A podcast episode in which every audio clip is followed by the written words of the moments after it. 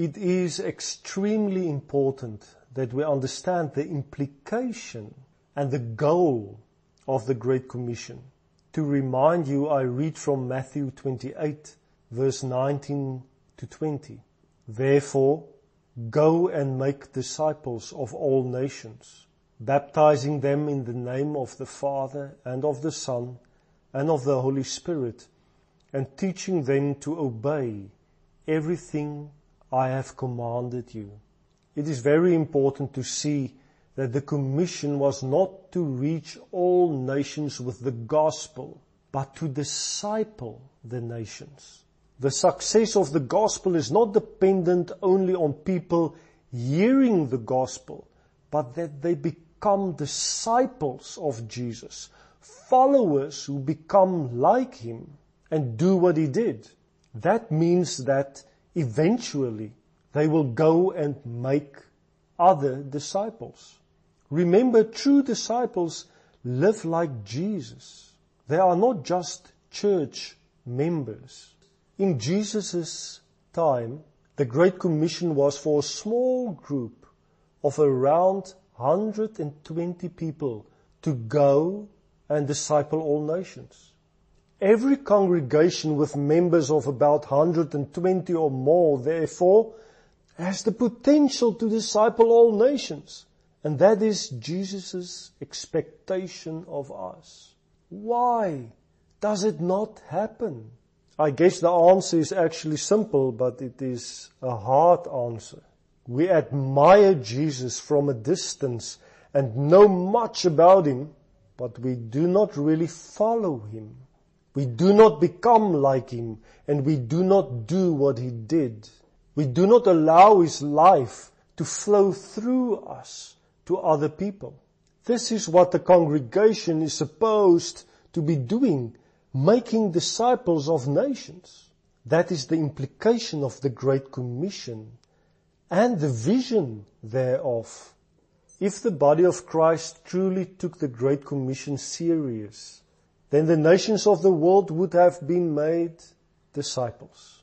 Yes, people have to make a decision, but they would have been genuine disciples and not just nominal Christians. People who identify themselves with the church or with the things that Jesus said. Jesus is not interested in that. He is interested in followers. He said, come follow me and I will make you fishers of men.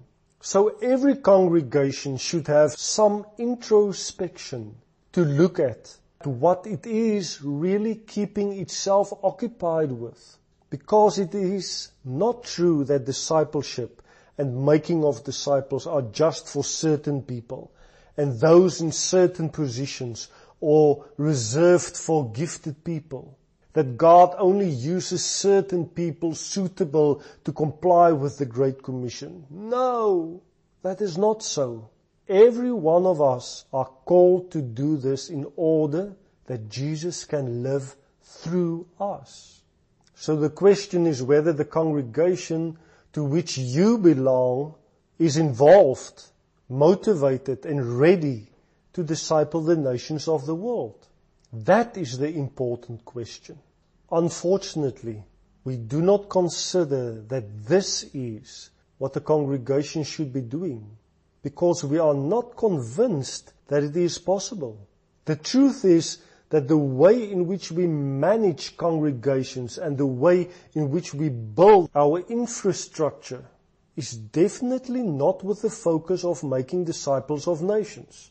Almost everything in congregations nowadays are done to accommodate people, to serve people and keep people happy, instead of equipping them in order to send them out. To make disciples means to reproduce the life of Jesus in other people's lives.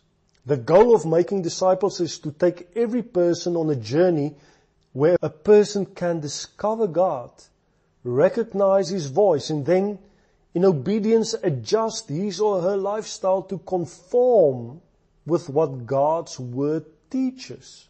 The process of journeying with people is done so that people can get to know Jesus Christ and to allow His life to flow from us into as many people as possible. We read about that in 2 Timothy 2 verse 1 and 2. Listen to the transfer of life when Paul writes, You then, my son, be strong in the grace that is in Christ Jesus. And the things you have heard me say in the presence of many witnesses, entrust to reliable men who will also be qualified to teach others. Do you see that genuine disciple making is a multiplying, fast growing matter because the more people do it, the more people will partake and also do it. And so many people will quickly be discipled. Step by step behind Jesus, we now have to really look at ourselves in the mirror of making disciples. As a congregation, as an individual believer, and ask, are we allowing Christ to flow through us in a way that draws others to Him so that others may learn about Jesus from you and me and how to live in the kingdom in order that eventually they may be able to share it with others as well?